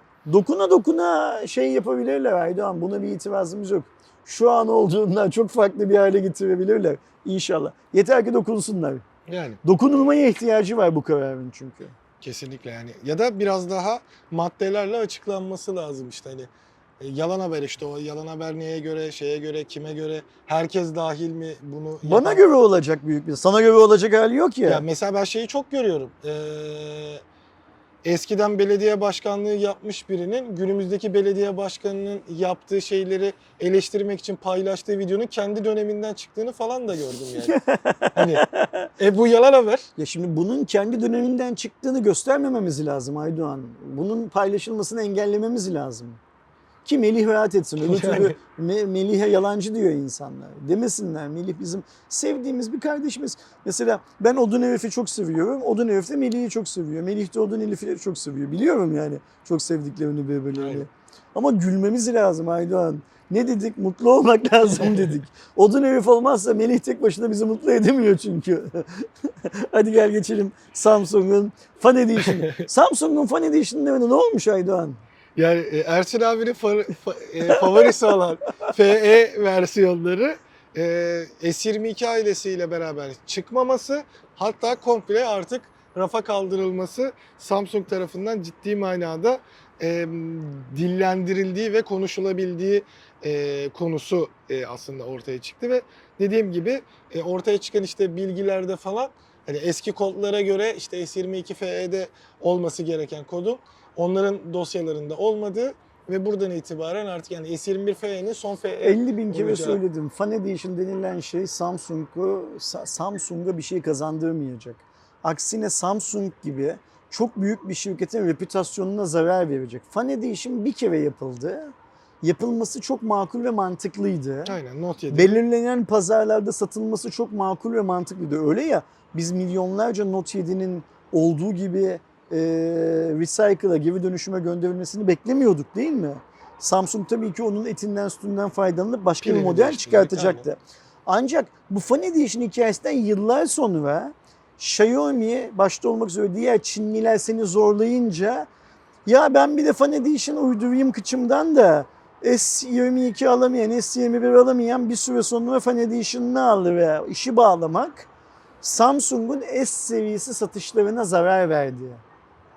Keza bu daha önce de Samsung'un Note satışlarına zarar vermişti. Şimdi Samsung yöneticileri zararın farkına varıyorlar ve gördüğüm kadarıyla benim yıllardır söylediğim bu Fan Edition hikayesi Samsung'a yakışmıyor. Ya Fan Edition yapacağına Z seviyesi diye başka bir şey yap. Aynı telefonu al, Samsung e, S21 Fan Edition diye değil, Samsung Triple A bir diye çıkar mesela. O zaman kimsenin sana itiraz edeceği Aynen. yok zaten.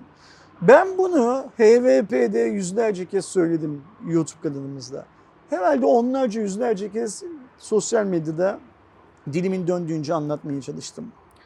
Ee, Samsung Mobile'ın eski CEO'su başındaki adam DJ'de dahil olmak üzere birçok Samsung'un üst yöneticisine buna Samsung'un sahibi olan ailenin fertleri de dahil olmak üzere e-mail atarak yazdım. Çok ciddi söylüyorum yazdım. Hepsini CC'ye koyup birbirlerini görsünler diye de mail attım ayrıca aynı maili. Ee, bu çok yanlış bir karardı. Bunun Samsung'a herhangi bir fayda sağlaması mümkün değildi. Nitekim bak Note seviyesini planladıklarından daha erken bitirdiler. İnsanlar Note FE bekleriz. Niye not alıyoruz ki dediler. Yani. İnsanlar SFE bekleverle geldiler. S almıyorlar.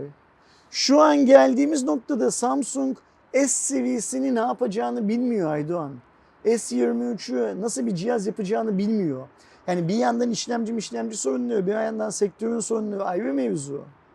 Çünkü e, not satmadı diye notu kaldırdık. ES de satmıyor. ES'i de mi kaldıracağız noktasına geliyor şirket yavaş yavaş.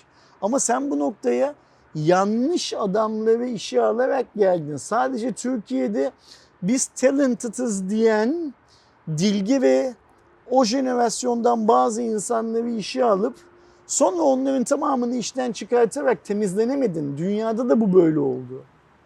Samsung tüm dünyada çok yanlış bir insan kaynakları politikası izledi. Bak DJ'yi görevden aldılar. Dünyada görevden aldılar DJ'yi.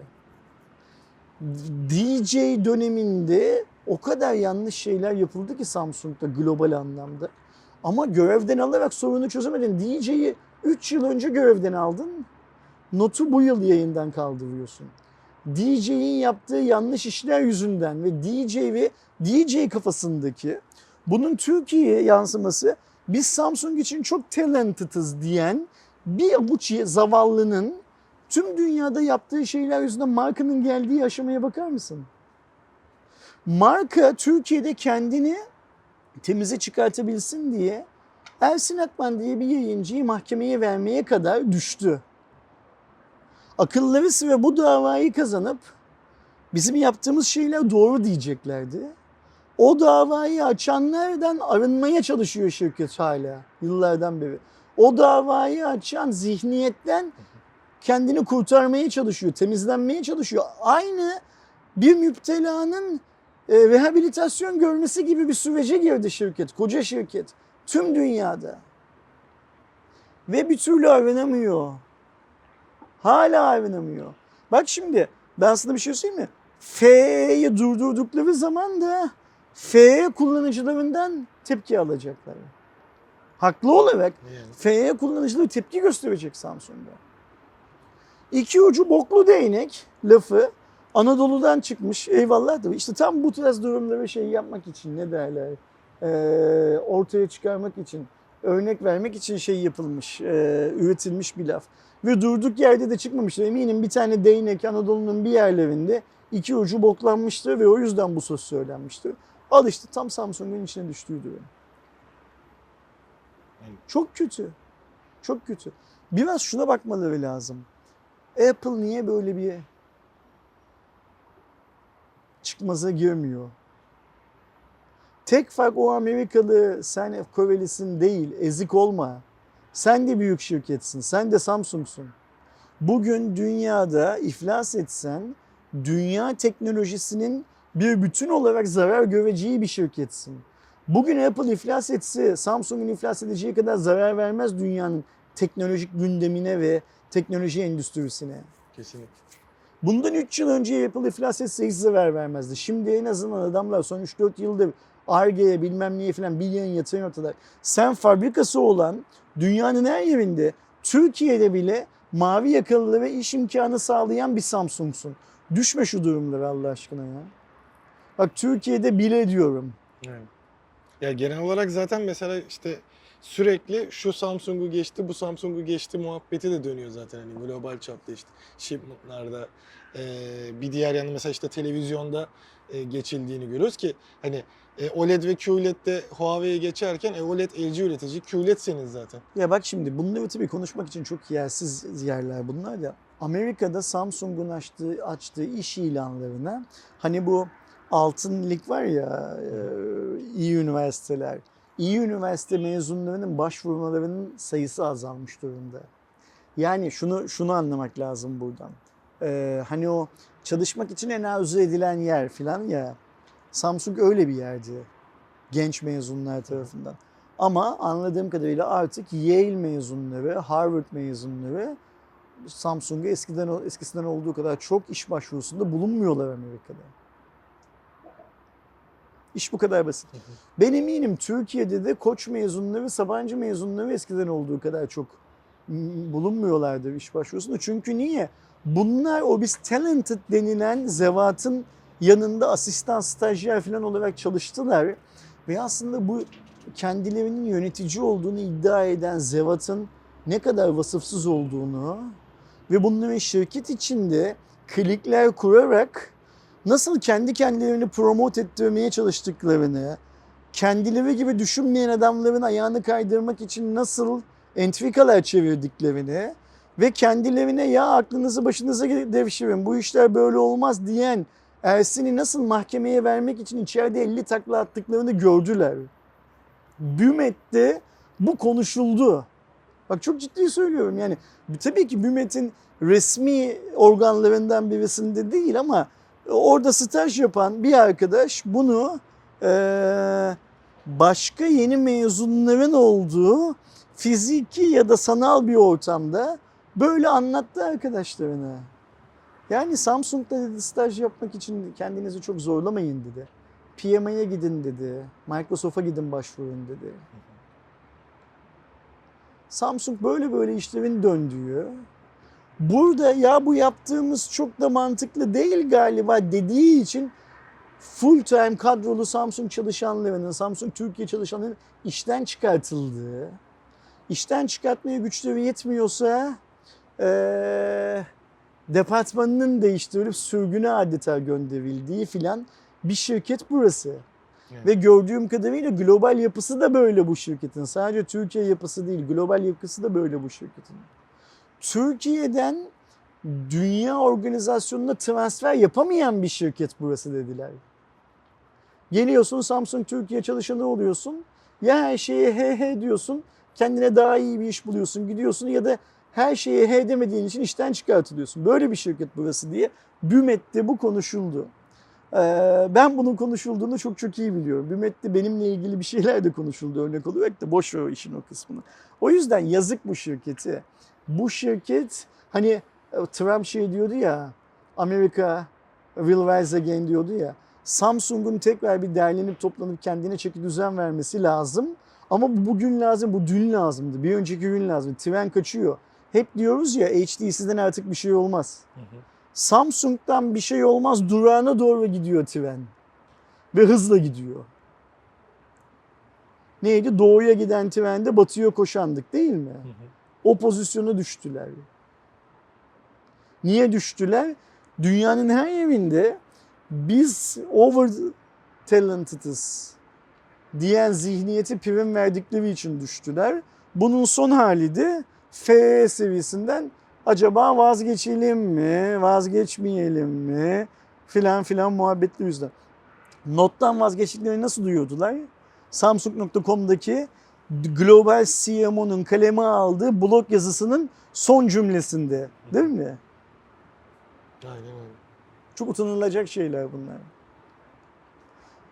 Bunu Samsung bundan 10 yıl önce yapmazdı. Böyle hatalar yapmazdı. Bundan 20 yıl önce böyle hatalar yapmadığı için 10 yıl önce çok büyük bir şirketti Samsung. Bugün olduğunun 2-3 misli büyüklüğünde bir şirketti. Yenilikleri hep oradan duyardık. Yazık, çok yazık. Ve eğer gerçek olursa bu FE seviyesini üretmeme hikayesi o zaman bir de şu çıkacak ortaya. FE alan herkes kendini kandırılmış hissedecek. Yani çünkü Hiç kimse öyle bir şey demeyecek. devam edecek diye duyurmuş. Ya Ersin sen haklıymışsın.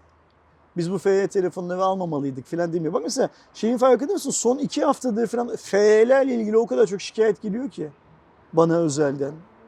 Şaşırıyorum yani hani ulan o FE'ler bizim de elimizden geçti. Yani böyle hatalar yapabilecek e, don- komponentlere sahip değiller. Çok daha iyi komponentlere sahipler. Ve S21 FE'nin özellikle bataryası konusunda çok eleştiri duydum. Garip. Neyse. Samsung'un bileceği iş. Biz, bizim aklımız ermez Aydoğan. Bizim zekamız da yetmez bu işlere zaten. İşin WhatsApp konusuna... Dilge'ye sorsunlar bence. Dilge Ha. şu anda Getir'de çalışıyor. F'yi üretelim mi, üretmeyelim mi diye ona sorsunlar. Yalçın Bey eğer bu konuyla ilgili bir yazı yazsın Hürriyet'te. Filan. Ama yazı kötü olursa rica ederler yayını, yayından kaldırırlar yazıyı. Dert etmez çok fazla. Ya da yayından kaldırılmasını sağlar bir başkasının yazdığı yazının. Evet. Hürriyet.com.tr'den. İşin WhatsApp kanadına geçtiğimizde e, biliyorsunuz daha öncesinde WhatsApp'ı iOS'ten Android'e taşıma dönemi başlamıştı. Ama o da Samsung özelinde e, ilk başta başlamıştı. Smart Switch ile taşıyabilme. Şimdi geçtiğimiz gün e, Mark Zuckerberg'ün e, Facebook'tan yaptığı bir paylaşımla e, Android'den iOS'e de WhatsApp transferinin başladığını e, duyurdu. Bu nasıl oluyor? Aslında iOS'e taşı diye bir uygulama var Apple tarafından Google Play'e koyulan. Buradan bütün birçok verinizi e, iOS'e geçerken, bir iPhone'a geçerken taşıyabiliyorsunuz. Bunun içine WhatsApp'ın da dahil olduğunu duyurdu. E, buradaki söylemde WhatsApp'ın 2.22.7.74 üzeri, iPhone'daki WhatsApp'ın 2.22.10.70 veya daha üzeri.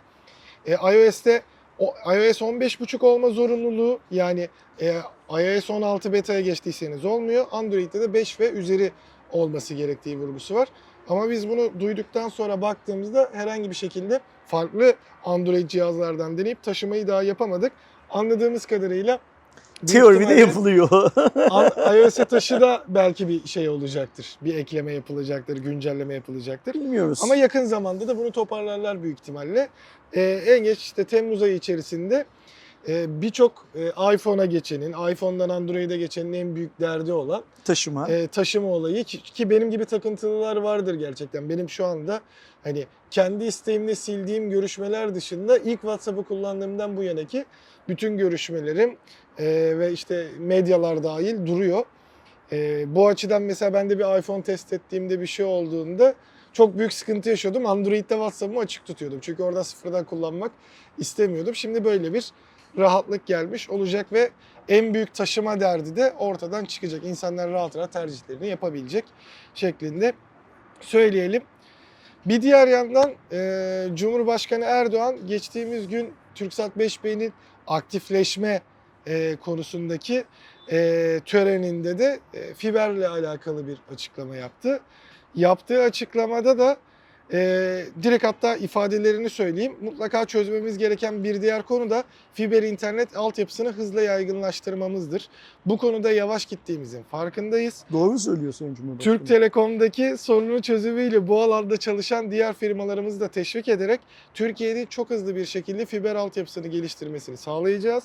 Gerekirse kırsala ve nüfus yoğunluğu düşük yerlere fiber altyapı götürecek ortak bir yapının da kurulmasını destekleyeceğiz. Süper. Ortak altyapı çok Türk- söyleniyordu. Türk Telekom'daki sorun neymiş? O konuyla ilgili bir ara- şey söyledi mi Sayın Cumhurbaşkanı? Yok sadece hızlanması gerek diye bahsediyor. Yani bu cümlelerle Şimdi ifade ediyor. Biz Türk Telekom yöneticileriyle bir araya geldiğimiz zaman herhangi bir sorundan bahsetmiyorlar. Ama Sayın Cumhurbaşkanı Türk Telekom'daki sorunun çözümüyle demek ki bir sorun varmış çözülmüş oradaki sorun. O zaman Türk Telekom bu yavaş çalışan- gitmesi olabilir hani ondan sonra söylediği bilemedim vallahi yani bak benim aklım kesmiyor böyle şeyler ama Sayın Cumhurbaşkanı doğru söylemiş. Ortak altyapıda Yani, da haklı. Hızlanması ortak altyapı gerektiği- yıllardır Türkiye'de şey yapılan, konuşulan. Ee, bana soracak olursan da e, mutlaka geçilmesi gereken ama hangi şartlarda geçileceği konusunda devletin, hükümetin e, bunca yani hükümetin devletin dediğim Türk halkının bunca yıldır yaptığı yatırımın hiç kimseye peşkeş çekilmemesi anlamında da çok dikkat edilmesi gereken bir şey. Şunu unutmamak lazım. O altyapının sahibi Türk Telekom değil aslında. O altyapının sahibi sensin benim. Şu anki Türk Telekom yönetimi devletten özelleştirme sonrasında lisans kullanımı hakkını belli bir süreliğine alan bir yapı aslında bu. İşte Öyer Telekom dediğimiz hikaye oydu. Pol ne diyordu? Eski CEO yani Türk Telekom Türkiye'de Türk Telekom'un ADS hizmeti vermesini e, sağ, verdiği dönemde Türkiye'ye gelen Sonrasında işler biraz grifletince, e, zorlaşınca, grift olunca tekrar yönetime getiren Paul Doney ne diyordu? Ben diyordu ortak altyapı konusunda bir şey söyleyemem. Çünkü altyapının sahibi ben değilim Türk Telekom olarak. Ben bunun işletme hakkını alan kurumum. Kim demişti o ortak altyapıyı demiş diyordu. Zamanın Ulaştırma Bakanı Bilal Yıldırım Bey'i işaret ediyordu. Onlar o platformda yani hükümet devlet platformunda bunu çözsünler. Biz zaten Türk Telekom'un işletme hakkını alan yapı olarak buna uymak zorundayız. Ama bu ortak altyapıyı çözmek konusunda beni, Türk Telekom'u, Vodafone'u falan bir araya getirip bizden çözüm beklemesinler diyor diye anlıyordum ben Paul'ün söylediği. Paul bunları bana söylemiyordu. Yazılı açıklamalar yapıyordu. Sakın kimse öyle bir şey anlamasın. Şimdi o yüzden ortak altyapının mutlaka çözülmesi lazım. Ortak altyapı e, hikayesini kim ilk dile getirdi? Binali Bey dile getirdi. O zaman Binali Bey'in bu konuyla ilgili bir fikri vardı mutlaka. Dönüp soralım bu adama ya. Bu adam Ulaştırma Bakanlığı yaptı. Başbakanlık yaptı. İzmir Büyükşehir Belediye Başkanı adayı oldu, seçilemedi. İstanbul Büyükşehir Belediye Başkanı oldu seçilemedi. Ama hala hükümetin hani o ağır top deniliyor ağır toplarından bir tanesi diyebiliyorum ben. Ya birisi desin ki ya Binali Beyciğim anlat şu ortak altyapıyı nasıl yapacağız? Öyle ya, bir çıkış noktası olsun elimizde. Görelim neyin ne olduğunu. Fakat e, ben tabii ki Sayın Cumhurbaşkanı yanlış biliyor diyecek kadar cesur değilim. Onu söyleyeyim. Ben korkak bir herifim. Söyleyemem böyle bir şey. Hele bu sosyal medya yasasından sonra hayatta söyleyemem. Beni şurada kesseler kimse böyle bir şey söyletemez. O ayrı mevzu. Ama Türkiye'nin e, fiber altyapısının altyapıda yol alması konusunda uydularımıza gelinceye kadar kazmalara ihtiyacımız var bizim. Evet. Bizim şu an gerçekten kazmaya o bildiğimiz hani bir insanlığın medeniyet yolunda araç olarak bulunan kazmaya ihtiyacımız var. Biz daha çok kazmalıyız. Daha çok bakır kabloyu, daha çok fiber kabloyla Evet. yer değiştirmeliyiz. Şu an Türkiye'nin ihtiyacı olan şey bu. Cumhurbaşkanının söylediği aşama kazdıktan sonraki aşama. Evet. Sonuçta Biz ilk anda- önce o apartmandaki tüm dairelere kadar fiberi götürmeliyiz. Biz ilk önce Sayın Cumhurbaşkanı'nın söylediği gibi Anadolu'daki her noktaya eşit hızı götürmeliyiz. İstanbul'da 1000 megabit. E, Abi ağır kazdı, Kars'taki adam bizi, bini bırak, yüzü bırak ona razı birçok yerde. Ben İstanbul'un büyük adasında 10 göremiyorum. O yüzden ilk önce eşit hız, her yere fiber. Hayatımızdan bu DSL formlarını, ADSL formlarının tamamını, hani şu bize ne diye satıyorlardı kapıya kadar bakır kabloyu, binaya kadar DSL e, fiber, Ee, eve kadar fiber. e, eve kadar yok eve kadar fiber değil, binaya kadar fiber, kapıdan e, benim hep karşı çıktığım bunun kalkması lazım dediği fiber şey ne netti? ADSL'in bir üstü diye kazıklıyorlar ya. VDSL. VDSL, okey. Bu ADSL'in, VDSL'in hayatımızdan çıkması lazım. Fiber dediğin şey benim evde oturma odasına kadar girdiği zaman fiberdir. Benim apartmanın kapısına, köşedeki kutuya, bir alt mahalleye kadar gelen fiberin oradan benim eve bakır kabloyla uzatılması DSL'dir. Evet. ADSL, Sonuçta VDSL, DSL bir yerde zaten fibere bağlı. bilmem ne DSL filandır. Ha diyebiliriz ki DSL demek fiber demektir. E o zaman tamam zaten fiberle falan uğraşmayalım. Bunun kaynağı fiber zaten. Yani. O öyle değil. Yani biz tabii ki uyduları uyduları falan gönderelim Sayın Cumhurbaşkanım haklısınız. İtiraz etmiyorum sakın yanlış anlamayın. Ama ilk önce bizim kazma kullanacak adamlara o adamlara sen şu kazmayı kullan şuraları kaz bu evlere kadar şu fiberi çek diyecek olan zihniyete ihtiyacımız var ilk önce ve bunu aynen bütün yurdu demir ağlarıyla örmek gibi bir Tam mantıkla. Fiber e, ağlarla öldük. Fiber ağlarla örmemiz gerekiyor ilk önce. Uyduyu falan daha geleceğiz o aşamalara. Ama Sayın Cumhurbaşkanı'nın konuyu bu noktaya getirmesine ben çok sevindim. İnşallah e, bunları hmm, işlevi gereği söyleyen CEO'lar söylediğinde, yoldan geçen Aydoğan Ersin falan gibi insanlar söylediğinde umursamayan otoriteler Sayın Cumhurbaşkanı söylediği zaman inşallah umursarlar. Yani bununla alakalı kesinlikle artık bir çalışma yapılması lazım. Hani yıl olmuş artık dediğimiz gibi 2022. Bunun bir şeyi olmalı. 2021'de de yoktu, 2022'de de yok. İnşallah 2023'te olur böyle söyleyelim. Yani inşallah. Ee, bir diğer yandan hatırlıyorsunuz bizim ülkemizde Meizu isimli bir marka da girmişti. Türk markası mıydı mevzu? Yok Çinli Ha, bir okey, marka tamam. tabii ki. Ülkemizde deyince ben mevzu Yani bizden çıktı sandım. İlk çıktığında hani özellikle fiyat performans açısından fazlasıyla beğenildi. Sonra geri gitti vesaire derken e, kendi içindeki yapılanmada da bir değişikliğe gitti. Geely isimli bir otomobil firması, Çinli otomobil firması tarafından tamamen satın alındı. Geely kim? Geely'yi işte bilenler nereden bilir? Yani bir meraklıları da bilir ama asıl olayı e, Volvo artık Çinli oldu denildiğinde Volvo'yu satın alan firma Geely'ydi. Yani şu anda e, yollarda gördüğünüz bütün Volvo'nun sahibi aslında bir bu marka. Volvo markasının sahibiyle Meizu markasının sahibi Ortak. aynı Çinli şirket oldu değil Aynen. mi? Aynı Güzel. zamanda tabii Lotus Vol- falan da Vol-. Lotus Volvo cep telefonu mu çıkartacak? Meizu otomobil mi ne olacak? Belli mi öyle bir plan? Ya şu anda herhangi bir plan ya da bir iş akışı belli değil ama hani son dönemlerde o tarz şeyleri popülaritesi de azaldı. Yani işte örneğin Oppo işte McLaren için yapıyordu falan OnePlus'ın da vardı. Hani bunun gibi çalışmalar olur mu ya da sadece Geely hani e, akıllı telefon Yatırımcı sektöründe anlamında mı aldı? e, aldı. Onu ilerleyen dönemlerde göreceğiz. Çin'de son 20 yıldan beri yetişen çok önemli bir iki tane iş adamı var. Yani bunun Amerika'daki karşılıkları Elon Musk, Steve Jobs filan gibi adamlar diyelim. Bundan da birisi Jack Ma. Kimdir Jack Ma? E, Ali Baba'nın AliExpress'in- Ali Baba'nın aslında. Ali Baba'nın kurucusu. İkincisi de Meizu'nun sahibi olan abiydi. Ve onun kardeşi bilmem nesi filan yani Meizu'nun yönetim kadrosuydu. Meizu gerçek bir Çin başarı öyküsü olarak anlatılıyordu Çin'de. Meizu'nun sahibi olan abi, kurucusu olan abinin eğitiminin e, olmamasına rağmen işte o telefonların tasarımlarını filan kendisi yaptı. Jack Ma ile kanka oldu. Gerçi Jack Ma'nın da şu anda nerede olduğu çok bilinmiyor ama o en son yaptığı konuşmadan sonra hala nefes alıyor mu almıyor mu onda o konuda da çok bir aldığını varsayalım en azından. Ee, o yüzden mezunun satılmış olması benim kafamda böyle bir yığın şeye neden oldu Aydoğan. Ee, fikrin fırtına gibi esmesine neden oldu. Yani hani gerçek Çin başarı öyküsü olarak gösterilen mevzunun bir başka Çinli tarafından satın alınması, başarı öyküsünün bir başka Çinliler tarafından götürülmesi mi? Yoksa o başarı öyküsünün yandı bitti kül oldu, dağa kaçtı inek içtiye dönmesi mi Tabii acaba? şey de olabilir sonuçta. Onların kullandığı teknolojileri Geely'nin sahip olduğu markalarda kullanabilme falan amacıyla da olabilir. Yani bununla alakalı ileride çok ya geçtiğimiz dönemlerde çok şey gördük. Yani markanın gördük. satın alınıp komple yok Me- edilmesi. Meizu bizim Türkiye'de sevdiğimiz bir markaydı. Meizu bizim Hardware Plus olarak da çok değer verdiğimiz, çok destek verdiğimiz bir markaydı. Meizu'nun Türkiye'den çıkmasına çok üzülmüştük zamanında. İnşallah bu satın alma sonrası Meizu cep telefonu sektöründen çıkmaz.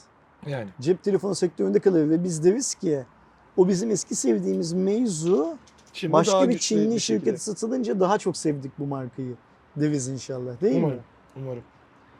Gelelim haftanın son haberine ve Beni bir hiç vedaya. ilgilendirmeyen bir haberini. Ben üzüldüm bir görünce ya. Üzüldüm. Hani Bu böyle- sütü olanı hiç sevmemiştim ben. En ilk gün sevmemiştim daha. Yani ilk internetle tanıştığım gün bunu değil Netscape'i kullanmayı seçmiştim kendime. Gerçi evet ben de hani şöyle bir düşündüğümde sevmediğim çok noktası vardı. Bu hep bizim küçük enişte sütü olan pozisyonunda kaldı benim gözümde. Evet. Nedir bu? Nedir bu? Internet Explorer. Explorer. Windows 95'in e, Plus eklentisiyle yıllar önce sunulan e, Internet Explorer 27 yılın ardından son noktasını koydu. Zaten geçtiğimiz hafta içinde e, bununla alakalı bir tarih vermişti 15'ini e, gösteren yani 2 gün öncesini gösteren. E, ve 2016'da Microsoft Edge çıktığından beri zaten işte Microsoft Edge'in yeni Explorer olduğu, Explorer'ın işte yavaş, e, sistemi şişiren durumlarının yaşanmayacağı olmuştu ki yine beceremeyip Chromium tarabanlıya Şimdi çevirdiler Edge'i. Explorer'ın sloganı Where do you want to go today'di. Bugün nereye gitmek istiyorsun? Evet. Bugün nereye gitmek istiyorsan onu Explorer'ın arama çubuğuna yaz. Explorer seni oraya götürsün. Bu dünyadaki internet kullanımını ateşleyen, ilk kıvılcımı çakan buji gibi bir şeydi değil mi? Evet. Bütün dünya internet kullanmaya Explorer'la başladı. Explorer öncesinde Ki 2003'te mesela %95'miş kullanım. Explorer öncesindeki bir mass kullanım, yoğun kullanım söz konusu Hatta değil. Internet Explorer birçok insan için benim kafamda da öyle. Çünkü hani ben işte Windows 95'lerde değil de 98'lerle bir bilgisayar kullanmaya başladığım için benim için internet dediğim şey aslında bir Internet Explorer'dı. İnterneti aç, Explorer aç demekti Evet. değil mi aslında? Çok haklısın. Şimdi Microsoft'un burada yıllar boyunca çok büyük rakipleri oldu. İşte Netscape çok büyük bir rakipti. Sonra Mozilla Vakfı muazzam bir rakip. En son Google Chrome'la Aynen. muazzam bir rakip. Opera bilmem ne filan. Hiçbir zaman Microsoft istediği tekele ulaşamadı Explorer tarafına ve hep de güvenlik açıklığı Explorer'dan başladı. Hı hı. Zaten Microsoft'un açık konusunda ünü şeydir, ne derler, iyidir. Ee, ve geldiğimiz noktada Microsoft Explorer'ı geliştirmeyi duyurup Edge diye bir şey çıkardı ortaya değil mi? Sonra da Edge'i de gitti Chromium tabanlı hale getirdi. Yani Beyaz bayrak Microsoft'ta Explorer konusunda tabii o kadar çok dalgalandı ki. Netscape'e karşı dalgalandı. Opera'ya karşı dalgalandı. Mozilla Vakfı'na karşı dalgalandı. Chrome'a karşı dalgalandı. Chromium kullanarak bir daha daha büyük bir beyaz bayrak daha dalgaladı Microsoft. Ve en son geldiğimiz noktada Internet Explorer'a veda ediyoruz değil mi? Allah dünya halkını Internet Explorer'dan kurtardı yani en sonunda. Evet. Ben de zaten şey diye paylaşmıştım e, o haberi gördüğümde ayın 15'inde. Şimdi bir dakikalık saygı duruşu duralım diyeceğiz. O da kesin en az bir ay sürer diye. Ay, Çünkü süper. gerçekten onun yavaşlığı çok başkaydı. Hani ilk başlarda o yavaşlığı bilmiyorduk çünkü tek elimizde o vardı. Ama sonra işte dediğin gibi ben Netscape'i yani sadece bir böyle kullanıp Aa, Explorer iyiymiş diyerek şeydi. Çünkü yani bildiğimiz bir şeydi, alışkanlıktı. Sonra işte Chrome, Opera, Firefox çıkıp bunlar çok daha iyi. Eklenti hizmetleri bir şeyiyle, sistemi yormamasıyla, açılma hızlarının daha iyi olmasıyla beraber herkes patır patır bırakmaya başlamıştı. Bir dönemde Microsoft kendi zorluyordu. İşte sonra Edge'i çıkardığında bir tur daha bir zorlamaya çalıştı. Sen varsayılan ta- tarayıcı yapmak istediğinde emin misin? İşte bilmem ne yap. Windows 11'de de hatta hala Edge'i zorluyordu. Ama büyük ihtimalle artık Edge Chromium tabanlı olarak hani sadece bir seçenek olarak kalacak gibi. Üzülmeyeceğim. Bir şey söyleyeceğim. Google Chrome'u nereden indireceğiz?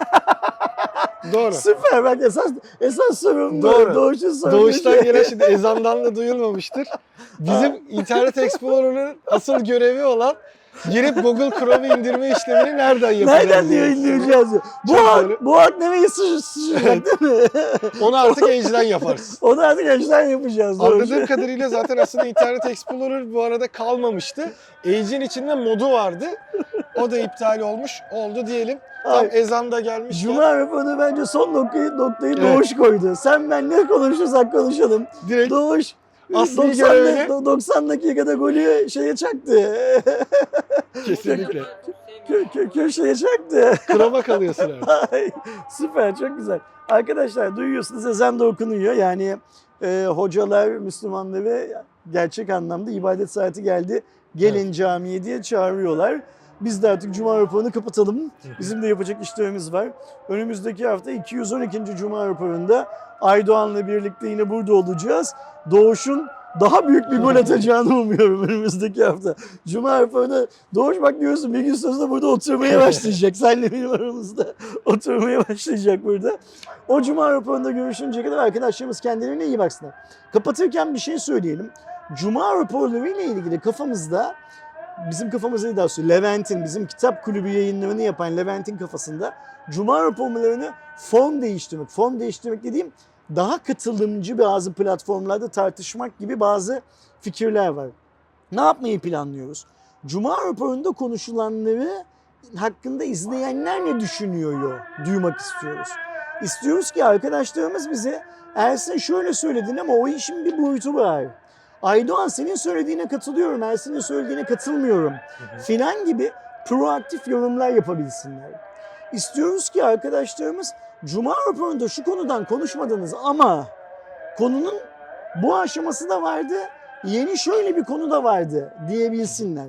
Ve bunu da Twitter üstünden yapmayı planlıyoruz. Evet. Çok kısa bir zaman içinde de hayata geçirmek istiyoruz. O yüzden geçen hafta demiştim ki arkadaşlar lütfen HVP'nin sosyal medya hesaplarını takip edin ki HVP'nin başına kötü bir şey geldiği zaman yani kutup ayısı HVP'yi çölde bulduğu zaman bundan haberdar olun demiştim. Evet.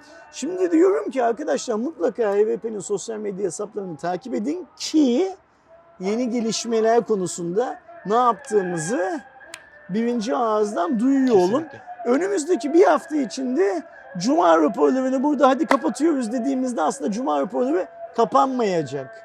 Cuma raporları bir başka platformda devam ediyor olacak. O yüzden mutlaka arkadaşlar ama mutlaka Aydoğan'ı takip etmeseniz bile, beni takip etmeseniz bile HVP'nin hesaplarını sosyal medyada takip edin. Haftaya size çünkü başka başka bir şeylerden bahsediyor olacağız. O yayında görüşünceye kadar kendinize iyi bakın. Hoşçakalın. Hoşçakalın.